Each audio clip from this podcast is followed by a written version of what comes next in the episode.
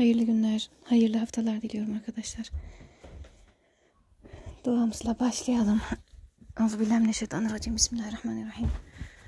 Elhamdülillahi Rabbil alemin. Ve salatu ve selamu ala Resulina Muhammedin ve ala alihi ve sahbihi ecma'in. اللهم العلم والإيمان الكامل والعبودية الكاملة التامة والإخلاص الأتم واليقين التام والتوكل التام والمعرفة التامة والمحبة التامة وخالص العشق والاشتياق إلى لقائك والعفة والعصمة والفطانة والحكمة وفصل الخطاب والحافظة الدائمة والذاكرة الدائمة والصحة الدائمة الكاملة والعافية الدائمة الكاملة والقلب السليم. اللهم أسرار الإيمان والإسلام والإحسان. اللهم ثبتنا على الحق والعدالة والاستقامة والعفة والعصمة والفطانة والإذعان اللهم ثبتنا على ما تحب وترضى. اللهم ثبتنا على ما تحب وترضى. اللهم ثبتنا على ما تحب وترضى. اللهم الإخلاص في كل أمرنا وفي كل شأننا ورضاك. اللهم أسرار الحقائق وحقيقة الحقائق. اللهم بسط الزمان وبسط الإمكان. اللهم أقرر أعيننا بانتشار الإسلام في كل أنحاء العالم وفي كل نواحي الحياة. اللهم فقهنا في الدين. اللهم فقهنا في القرآن. اللهم فقهنا في الأحاديث النبوية. اللهم علمنا من لدنك علما. اللهم افتح علينا حكمتك وانشر علينا رحمتك يا ذا الجلال والإكرام. ربنا أيدنا بروح من عندك. ربنا أيدنا بروح من عندك. ربنا أيدنا بروح من عندك. اللهم صل على سيدنا محمد طب القلوب ودوائها وعافية الأبدان وشفائها ونور الأبصار وضيائها وعلى آله وصحبه وسلم. Geçtiğimiz hafta Ashab-ı Keyf üzerinde durmuştuk. Keyf suresinin bir kısmına mealine bakmıştık. Ee, şimdi o konunun devamında gelen bahçe sahipleri konusunu üzerinde duracağız inşallah. Evet Kehf suresinde farklı kıssalar var. İlk başta Ashab-ı Kehf'i anlatıyor. Onların e, bize verdiği mesajlar üzerine durmaya çalıştık geçtiğimiz hafta. Arkasından da o diriliş ruhunu kaybetmeme adına e, bazı uyarılar var adeta. Bahçe sahipleri kıssasıyla anlatılıyor. Evet güzel bir e, dörtlük. Niceler düştüler dünya ağına, vuruldular bahçesine bağına. Anlarlar varınca son durağına, bizler o bahçeyi ekmeye geldik. Rabbim bu uğurdan vazgeçirmesin bizleri. Mağara devrinden sonra adeta bir imtihan dönemi başlıyor. Bu şekilde anlayabiliriz onun ardından onun gelmesini. Kur'an-ı Kerim'deki e, bir surenin içerisinde farklı farklı kıssalar anlatılır bazen. Ardarda başka başka meseleler gibi gelir konular. Ama onların arasındaki ilintilere de e, gözden kaçırmamak lazım o e, aradaki uyumu. Hangi hikmete binaen anlatılmış arkasından gelen şey. Ciddi bir uyum içerisinde geçiyor kıssadan kıssaya. Kehf suresinde anlatılan e, bir hadisede bağ ve bahçe sahibi olan iki tane arkadaştan bahsediliyor.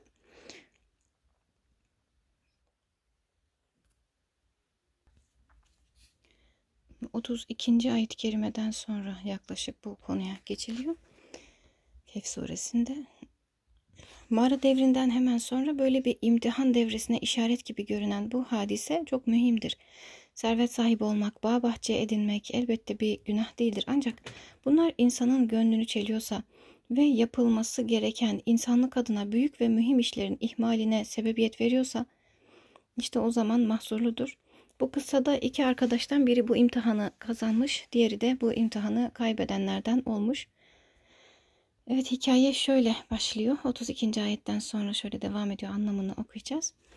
Onlara şu iki kişinin halini misal getir. Onlardan birine iki üzüm bağı lütfettik. Bağların arasını, etrafını hurma ağaçları ile donattık ve bahçelerin arasında da ekin bitirdik. Düşünün böyle iki tane üzüm bağı aralarından dere akıyor. Ve e, ekinler bitmiş.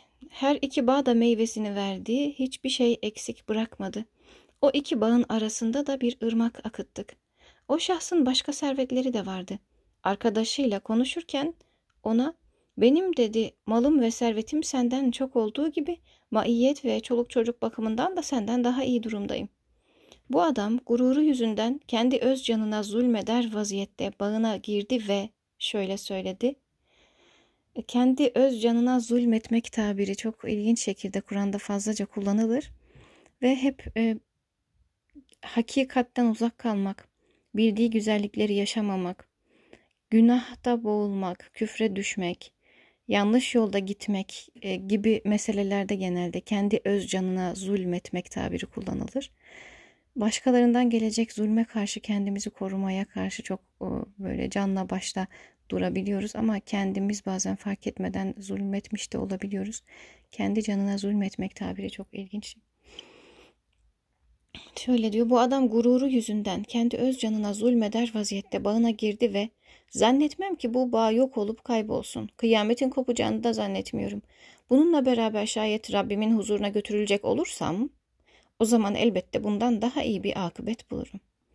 Yani bu ona verilmiş olan mal, mülk, servet, çoluk çocuk onların hepsinin kendi iyiliğinden kaynaklandığını zannedip gurura kapılan bir insan bu. Halbuki öyle değil. Dünyada bize verilmiş olan iyi veya kötü zannettiğimiz her şeyle imtihan oluyoruz. Sadece imtihan unsuru onlar. Biz layığız diye bulmadık onları. Onlar bizim çabamızla da bize gelmiş değil. Allah'ın lütfuyla geldi ve bir imtihan gereği olarak geldi ve bunun karşısında sınanıyoruz, sınavdayız. İmtihan unsuru bizim için her birerleri. Bize ait görüp şımaracak mıyız, gurura kibre mi kapılacağız? Kendi gerçek yüzümüzü göreceğiz yani aslında. Ee, içinde bulunduğumuz şartlar neyse o, onunla. Bir ayet-i kerimede ifade ediliyor. Biz insanı iyi, iyi ile de kötüyle de imtihan ederiz diye. Güzel şeylerle de kötü o zannettiğimiz bazı şeylerle de sıkıntıyla, e, hastalıkla, musibetle, darlıkla, açlıkla, yoklukla bunlarla da imtihan ed- ediliyoruz. Ve aynı zamanda bollukla, ferahlıkla, genişlikle, çoluk çocuk sahibi olmakla, mal mülkle, rahat bir hayatla da imtihan oluyoruz. Sağlıkla imtihan oluyoruz aynı zamanda. Ve bu iki e, durum da bizim için e, kendimizi ölçmek için birer e, parametre gibi. Evet. Bir ayeti kerime e, var. Ali İmran suresinde geçiyor. Kulillahümme. E, orası aşırı olarak da ezberlenir. Namazlarda okunur genelde.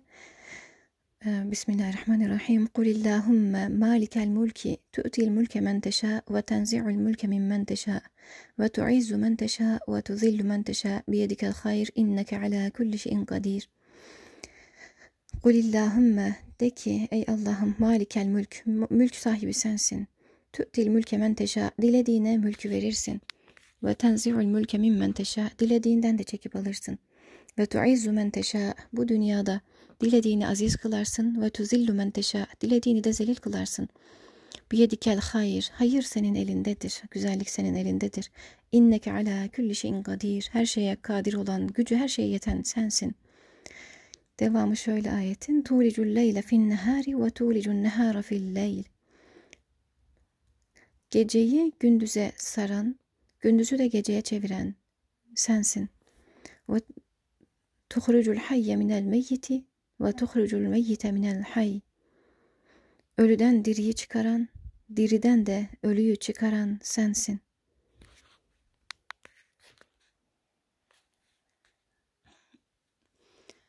تخرج الحي من الميت وتخرج الميت من الحي وترزق من تشاء بغير حساب وترزق rızıklandırırsın men teşâ'u dilediğini bir gayri hesap hesapsızca dilediklerini de rızıklandırırsın Rabbim. Yani e, gelse celalinden cefa yahut cemalinden vefa ikisi de cana safa lütfun da hoş kahrın da hoş ufku ee, her şeyin ondan geldiğini kabul etmişlik içerisinde güçlü bir imanın getirisi olan sözler olabilir ancak bu sözleri Rabbimiz gönülden söylemeyi nasip etsin. Gerçekten farkındalıkla her şeyi doğru bir nazarla okumayı lütfetsin hepimize. Evet bu adam gururla bunu söyledi. Kendi öz canına zulmeder vaziyette. Bizler belki rahat içerisinde olmuş olsak da bunu dille söylemiyoruzdur. Söylemeyiz inancımız gereği. Hani e, o adam da inandığını da düşünüyor bir yandan. Rabbinin hep kendisinin yanında olduğunu düşünüyor. Nasıl bir inanç, nasıl bir ilaha inanıyor bilmiyoruz ama evet böyle bir ilah hep onun yanında olan kendi gurur ve kibriyle kendi benliğini öncelemiş bir insan prototipi var karşımızda. Kur'an-ı Kerim'deki e, insan tahlilleri, kişi tahlilleri hep şu eksenlidir. O, o karakter analiz edilir ve o karakterin bütün e, noktaları, detayları gözler önüne serilir. E, Firavun anlatılırken de, Karun anlatılırken de, Hz. Musa Aleyhisselam anlatılırken de e, o tiplemeler, o şahıslar e, önemlidir bizim için. O karakterler, kişilikler önemlidir. E, bütün e, kişi tahlillerinde bunu görebiliriz. Bu şekilde düşünmek lazım. Yani o insan bugün yok evet ama ona benzer insanlar. Hatta Kur'an-ı Kerim'de tahlil edilen bütün karakterleri bir yönüyle biz kendi dünyamızda da bulabiliriz. E, kendimizi bulmak için de aslında Kur'an okuruz. Kendimizi daha iyi tanımak için, görmek için, zaaf noktalarımızı fark etmek için. Allah'ın hoşnut olmadığı yönleri anlayabilmek ve onlardan uzak kalabilmek için de zaten Kur'an okuruz biz.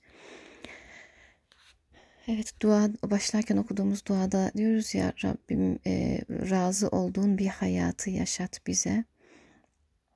Allah'ım razı olduğun şekilde bir hayat yaşat bize. Amin. Onun için işte Allah'ın razı olmadığı şeyleri de böyle bilmek lazım. Adam gururu yüzünden e, bu bağın bozulup yok olacağını zannetmiyor. Yani rahat ve rahavet, gençlik, sağlık insana öyle bir e, zannettiriyor ki bu dünya hiç bitmeyecek. Biz bu halimiz hiç değişmeyecek. Hep biz böyle kalacağız. Genç, dinç, dinamik, güçlü olacağız zannediyoruz. O yüzden işte bazen başa gelen imtihanlar, varlıkların yok olması, yokluğa dönmesi bazen insanın e, toparlanmasına vesile olduğunda gerçekten hayrı da getirmiş oluyor.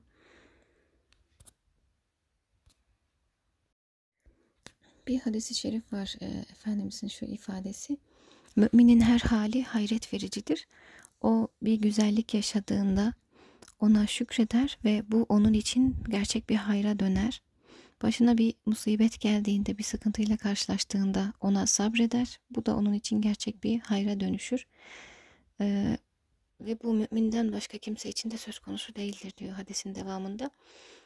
Buradan şunu anlıyoruz. Demek ki iyi zannettiğimiz şeyler gerçek anlamda bizim için hayra dönmesi, onu şükürle karşılamaya, yani onun gerçek sahibini unutmamaya bağlanmış. Evet hadiste o ifade geçiyor çünkü. Müminin her hali hayret vericidir. Yani insan ya iyi şeylerle karşılaşıyor hayatta ya kötü şeylerle karşılaşıyor. Ve müminin her hali hayrete şayandır, takdire şayandır, imrendirici bir, bir husustur. İyi bir şeyle karşılaştığında ona şükürle karşılık verir ve bu onun için hayra döner. Kötü bir şeyle karşılaştığında ona da sabreder ve bu da onun için gerçek bir hayra dönüşür. Evet yani ruhunu olgunlaştırır, onu hayata hazırlar, daha büyük cenderelerin içerisinden daha kolaylıkla geçmesini sağlar, ruhunu olgunlaştırıp cennete ehil hale gelmesini sağlar yaşadığı sıkıntılar ama aynı zamanda yaşadığı güzellikler de ona nefes aldırır.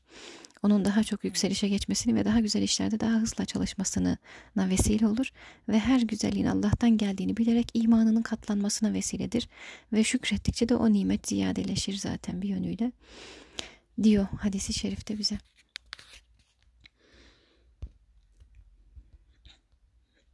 Evet bahçe sahiplerinden bu adamın 35-36. ayet-i kerimede zikredilen bu ifadeleri e, şunu da hatırlatıyor bize. İnsan rahat içerisindeyken e, bazen dile dökmese bile biteceğini zannetmiyor. O güzelliklerin kendisiyle alakalı olduğu zannına kapılabiliyor. E, ve böyle düşünmekle kendi öz canına zulmeder hale gelebiliyor. Evet, dünyevileşme bir yönüyle bu hal.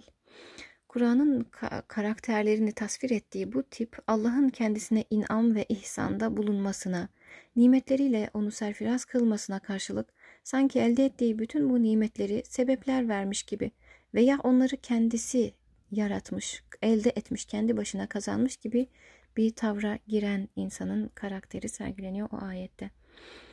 Bunun benzerini Kasas suresindeki Karun'un hikayesinde de görüyoruz. Karun tiplemesinde de aynı husus var. Ala ilmin indi diyor. Bu e, bütün servetim kendi bende olan ilim sayesinde bana geldi. Ben kendim elde ettim, çalışarak kazandım e, deyip gurur ve kibirle bütün her şeyin sadece kendisine ait olduğunu, kendinden geldiğini zannettiği için o öyle bir akıbete maruz kalıyor. Evet, Kur'an'ın çok veciz olarak ifade buyurduğu bu insan tipi her asırda karşımıza çıkan ve çıkabilecek olan bir karakteri simgeler. Evet, mazhar olduğu nimetleri ifade ederken bunlar benim ilmim ve marifetimle elde ettiğim şeylerdir. Kasas suresi 78'de. Böyle diyen insanların sayısı hiç de az değildir. Aslında tiz perdeden telaffuz edilen bu tür lafları bugün çokça duymaktayız. Bunlar Firavunca ve Nemrutça düşüncelerden kaynaklanan sözlerdir ve Mevla'nın nimetlerine karşı korkunç bir nankörlüğün, Hazreti Müsebbibül Esbab'ı unutmanın, sebeplerin gerçek yaratıcısını unutmanın, sahip olunan bütün nimetleri ihsan eden Allah'tan gafletin bir ifadesidir.''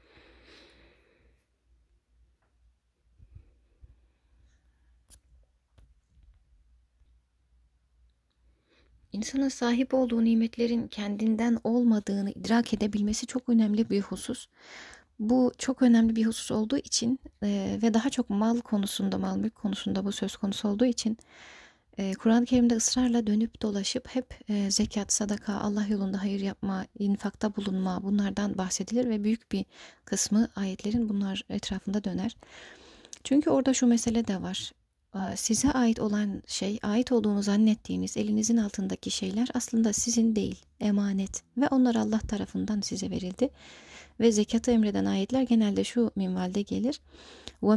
Razaknahum yunfikun ve mimma onlardan razaknahum onlara infak ettiğimiz şeylerden yunfikun infak ederler ve mimma razaknahum yani bizim rızık olarak kendilerine verdiğimiz şeylerden verirler. Orada öyle bir hatırlatma da var. Yani sahip olduğumuzu zannettiğimiz her şey bizim değil, Rabbimizin bize lütfettiği şeyler aslında ve onda başkalarının da hakkı var. E, bu şuurun e, kazanılabilmesi çok önemli bir husus. Bunun içselleştirilebilmesi, gerçekten bu şekilde iman edebilmek çok önemli bir husus. Her türlü güzellik Rabbimizdendir. Aynaya bakarken Efendimizin okuduğu duada bile bunu görüyoruz, bu inceliği görüyoruz. Rabbim yüzümü güzelleştirdiğin gibi ahlakımı da güzelleştir. Rabbim yüzümü güzel yarattığın gibi ahlakımı da güzelleştir diyor Efendimiz Aleyhisselam aynaya baktığında. Sünnettir bu duayı okumak. Yani orada bile bir kibre gurura, benlik duygusuna düşmemek için orada bile böyle bir hatırlatma ve böyle ince bir çizgi var Efendimizin hayatının her aşamasında bunu görüyoruz.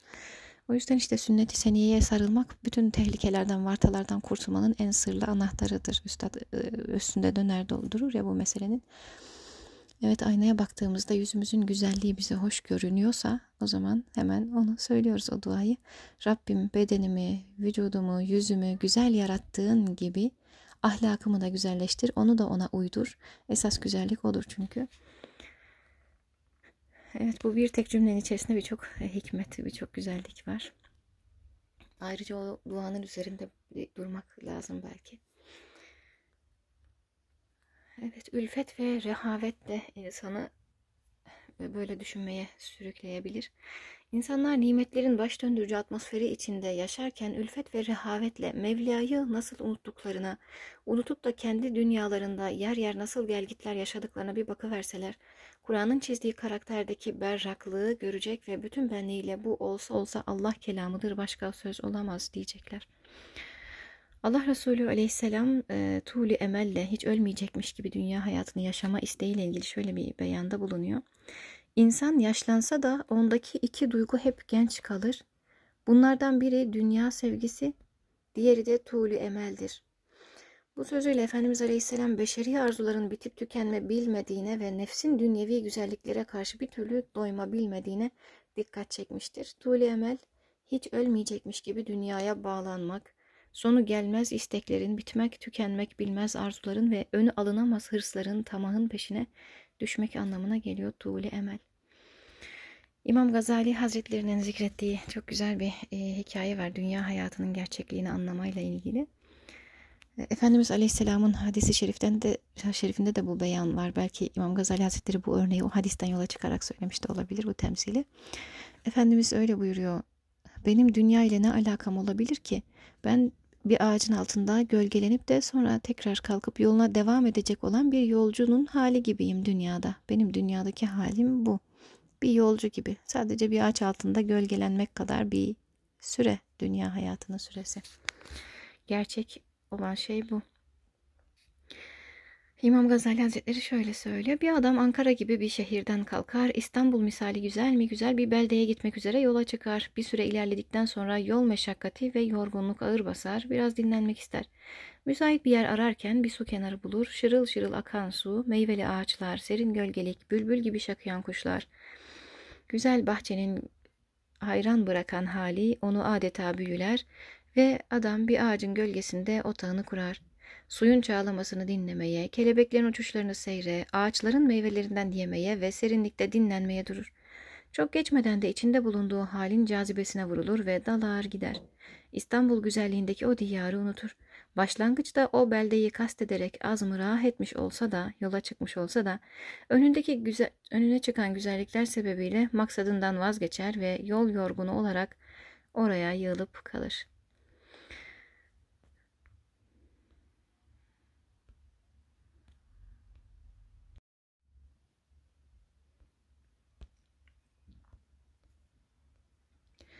Şayet insanlara asıl hedefleri ve varıp ulaşmaları gereken ebedi meskenleri sürekli hatırlatılmazsa, kendi adımıza da düşünelim. Sürekli biz bunu hatırlamazsak, hatta geçtiğimiz hafta duyduğumuz şey bir hafta boyu tesirini sürdüremiyor bile çoğu zaman. Öyle hızlı akıyor ki hayat, öylesine e, telaş, öylesine farklı e, şeylerimiz var ki e, zamanın arkasından yetişemiyoruz sanki. Bir e, zihin dağınıklığı, bir şeylerden uzaklaşma, kendi ruhumuzu görememe, tanıyamama, kendimizle baş başa kalamama. E, bu asrın en büyük sorunlarından biri belki hepimizin problemi belki. E, ama bunları ısrarla hatırlamak lazım. Kendimize en başta hatırlatmak lazım. Evet, e, kendimize ve kardeşlerimize bu asıl hedeflerimiz ve varıp ulaşmamız gereken ebedi meskenlerimiz sürekli hatırlatılmazsa, hafizan Allah herkesin aynı o yorgun yolcu gibi şirin bir gölgeliğe, lezzetli birkaç meyveye, cazibedar bir güzelliğe takılıp yolda kalması ve oracağa yığılması muhtemeldir. Dolayısıyla her insanın bu mevzuda her gün, her yeni gün bir kere daha takviyeye ihtiyacı vardır. Gönülleri ihya eden hakikatleri hemen her gün farklı bir üslupla yeniden mülahazaya almak o yüzden olmazsa olmazımız. E, imkanlar olduğu ölçüde aslında bir şekilde bir şeyleri hatırlamanın yollarını bulmak lazım. Gelecek kaygısını ahirete ait istikbal endişesine dönüştürmek. Evet insanın içerisinde bir gelecek kaygısı var. Ee, onu ahirete ait istikbal endişesine çevirebiliriz. Ve bu duygunun canlılığını koruyabilmek de ancak müzakere meclisleri oluşturmakla ve sohbeti canan vesilesiyle kalpleri yumuşatıp gözleri yaşartmakla ve gönülleri ihya eden hakikatleri hemen her gün farklı bir üslupla yeniden mülahazaya almakla mümkündür.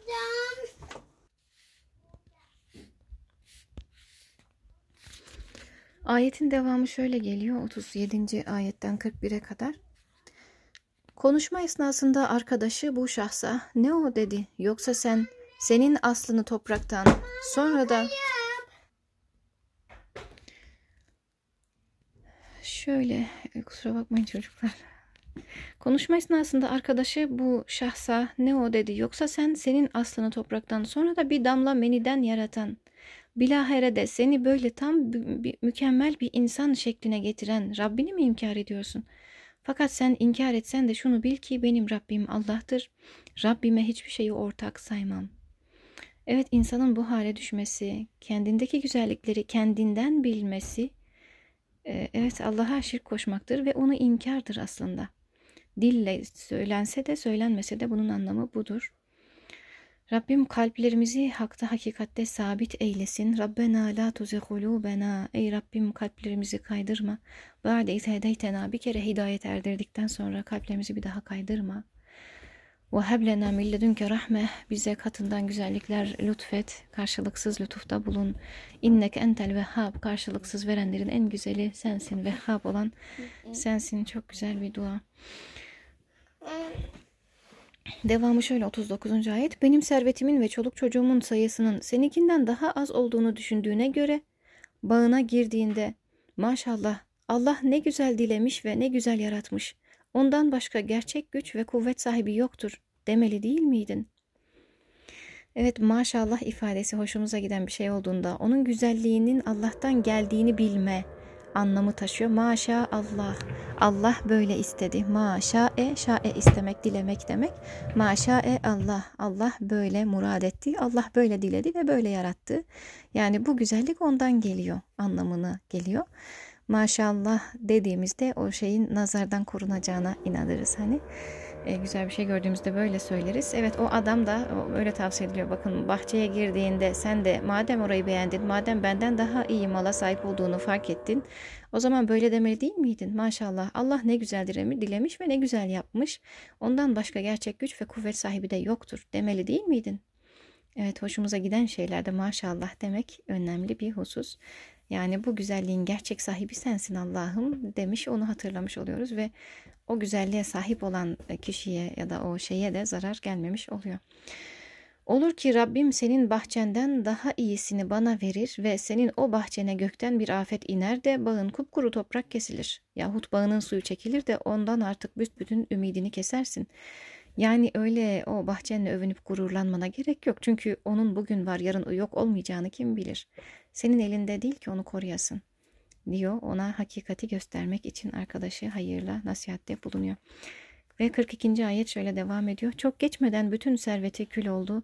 Sahibi bu halini görünce bağın çökmüş çardakları karşısında yaptığı masraflarına, harcadığı emeklere acıyıp avuçlarını ovuştura kaldı. Ah diyordu ne olaydım Rabbime ibadette hiçbir şeyi ortak yapmamış olsaydım.'' 43. ayet Hasılı o Allah'tan başka kendisine sahip çıkacak bir topluluk da bulamadı, kendi kendini de kurtaramadı. Öyle bir yerde himaye ve yardım sadece hak ve hakikatin ta kendisi olan Allah'a mahsustur. En iyi mükafatı da en güzel akıbeti de veren Allah'tır. 44. ayet. Sadakallahül azim. Evet Kehf suresinden ayetlerde bunlar bahçe sahiplerinin hikayesini anlatan Evet, kimisi işin başında, kimisi işin ortasında veya sonunda kaybetmekle yüz yüzedir. Her daim sabit kadem durma konusunda ısrarcı olmalıyız. Demek oluyor ki elenmeler her devrede devam etmektedir. Kimisi işin başında kaybederken kimisi işin ortasında veya sonunda kaybedebilir. Buradan ipi göğüsleyinceye kadar yani ipi göğüslemek şu anlamda ruh bedenden ayrılana dek, son nefesimizi verene dek Hepimiz için kazanmak veya kaybetmek söz konusu. Hepimiz kazanmak veya kaybetmekle yüz yüze e, bulunuyoruz. Evet bu e, bahçe sahipleri kıssasının ardından Zülkarneyn'den bahsediliyor. Zülkarneyn olmak e, nedir? İşin başındaki hasbiliğini sonuna kadar götürmektir diye e, yorumlamış. Hocamızın farklı eserlerinden alıntılar bunlar. Zülkarneyn olmak evvela mağarada ashab-ı olmaktan başlar. Bu arada saffetini koruyanlar, ledünniyata sımsıkı bağlı olanlar, ahirete ait meselelere, maneviyata, Allah'a bağlı olanlar ve işin başındaki o ashab-ı keyfin gösterdiği o güzelliği, o canlılığı, o dinamizmi e, hasbiliklerini sonuna kadar götürebilenler işte fütüvvet cemaati onlardır ve insanlığın makus talihini de onlar değiştireceklerdir. Bu bahçe sahipleri kıssasının ardından Zülkarneyn kıssasının gelişini de böyle yorumlayabiliriz. Bağ bahçeye, mal ve servete takılıp kalanlar, yazlığına kışlık, kışlığına yazlık eklemeye çalışanlar ve en kıymetli sermayeleri olan ömürlerini böyle lüzumsuz arzu ve isteklerin arkasında koşarak tüketenler ise Zülkarneyn olmaya hakları ve liyakatleri yoktur onların. Demek ki ister fert ister cemiyet maddeten kuvvet kazandıkları ölçüde manevi olarak da beslenmezlerse dünyevilik kaçınılmazdır. Evet Karun'da da bu bahçe sahibinin hikayesinde de onu görüyoruz. Madden e, güçlendiği zaman manen de o ölçüde güçlenmiyorsa o insan çok tehlike içerisindedir ve dünyevileşmesi muhtemeldir. Bu cümleden olarak bir hareketin temsilcileri maddi güçleri arttıkça gecelerini ihya ederek güç gecelerini ihya ederek atmosferlerini aydınlatmıyor ve evrad eskarla ruhanileşme peşinde değillerse onlar bir manada düşüşe geçmiş ve kaybetmeye başlamışlar demektir. Bu bir iç kokuşma ve bir iç çöküştür. Evet sonuç el-bâgi el-bâgiyatis salihat el-bâgiyatus salihat baki kalacak olan tek şey salihattır. Yapılan iyiliklerdir, güzelliklerdir, bizimle kalacak olan şeyler. Evet dünyalık adına ne varsa elimizde hepsi e, bitmeye, mahkum, sönmeye, solmaya, mahkum şeyler. O yüzden bu yönleriyle kıymetleri yok. Ama eğer onları doğru yerde kullanır ve değerlendirirsek sonu olan basit, geçici dünyevi şeyleri sonsuzlaştırmanın ve ahirete taşımanın da yolu var önümüzde. Rabbim bildiklerimizi yaşamaya muvaffak etsin. Kehf suresi 46. ayetle bitirmiş olalım. Mal, mülk, çoluk, çocuk bütün bunlar dünya hayatının süsleridir ama baki kalacak yararlı işler Rabbinin katında hem mükafat yönünden hem de ümit bağlama bakımından daha hayırlı şeylerdir diyor Kehf suresi 46. ayet. O küçük sözlerdeki şey geldi aklıma ayet kerime geldi. İnna Allah eştera minel mu'minine enfusahum ve emvalehum bi enne lehumul cenne. Ayetini tefsir ediyor ya Üstad Hazretleri küçük sözlerden birinde 8. söz müydü? Evet inna Allah eştera Allah satın almıştır minel mu'minine müminlerden bi emvalihim ve em İnna Allah eştera minel mu'minine ve emvalehum ve enfusehum bi enne lehumul cennet. Cennet karşılığında Allah müminlerden canlarını ve mallarını satın almıştır. Allah'a canımızı ve malımızı satabilirsek ne mutlu bize. Gerçek kazanç tam olarak budur işte. Rabbim istikametten ayırmasın, doğru anlamayı ve doğru yaşamayı nasip etsin. Bütün yanlışlardan, yanılgılardan, e, hepimizi kurtarsın. Allah'a emanet olunuz. Önümüzdeki haftaya görüşmek üzere inşallah. Hepinize hayırlı, güzel, dolu dolu bir hafta diliyorum. Bismillahirrahmanirrahim. Vel asr innel insane lefî husr illellezîne âmenû ve amilus sâlihâti ve tevâsav bil hakkı ve tevâsav bis sabr. Ve âhiru da'vâna inilhamdülillahi rabbil alemin. Allahümme salli ala seyyidina Muhammedin tıbbel kulubi ve devâiha وعافية الأبدان وشفائها ونور الأبصار وضيائها وعلى آله وصحبه وسلم. آمين.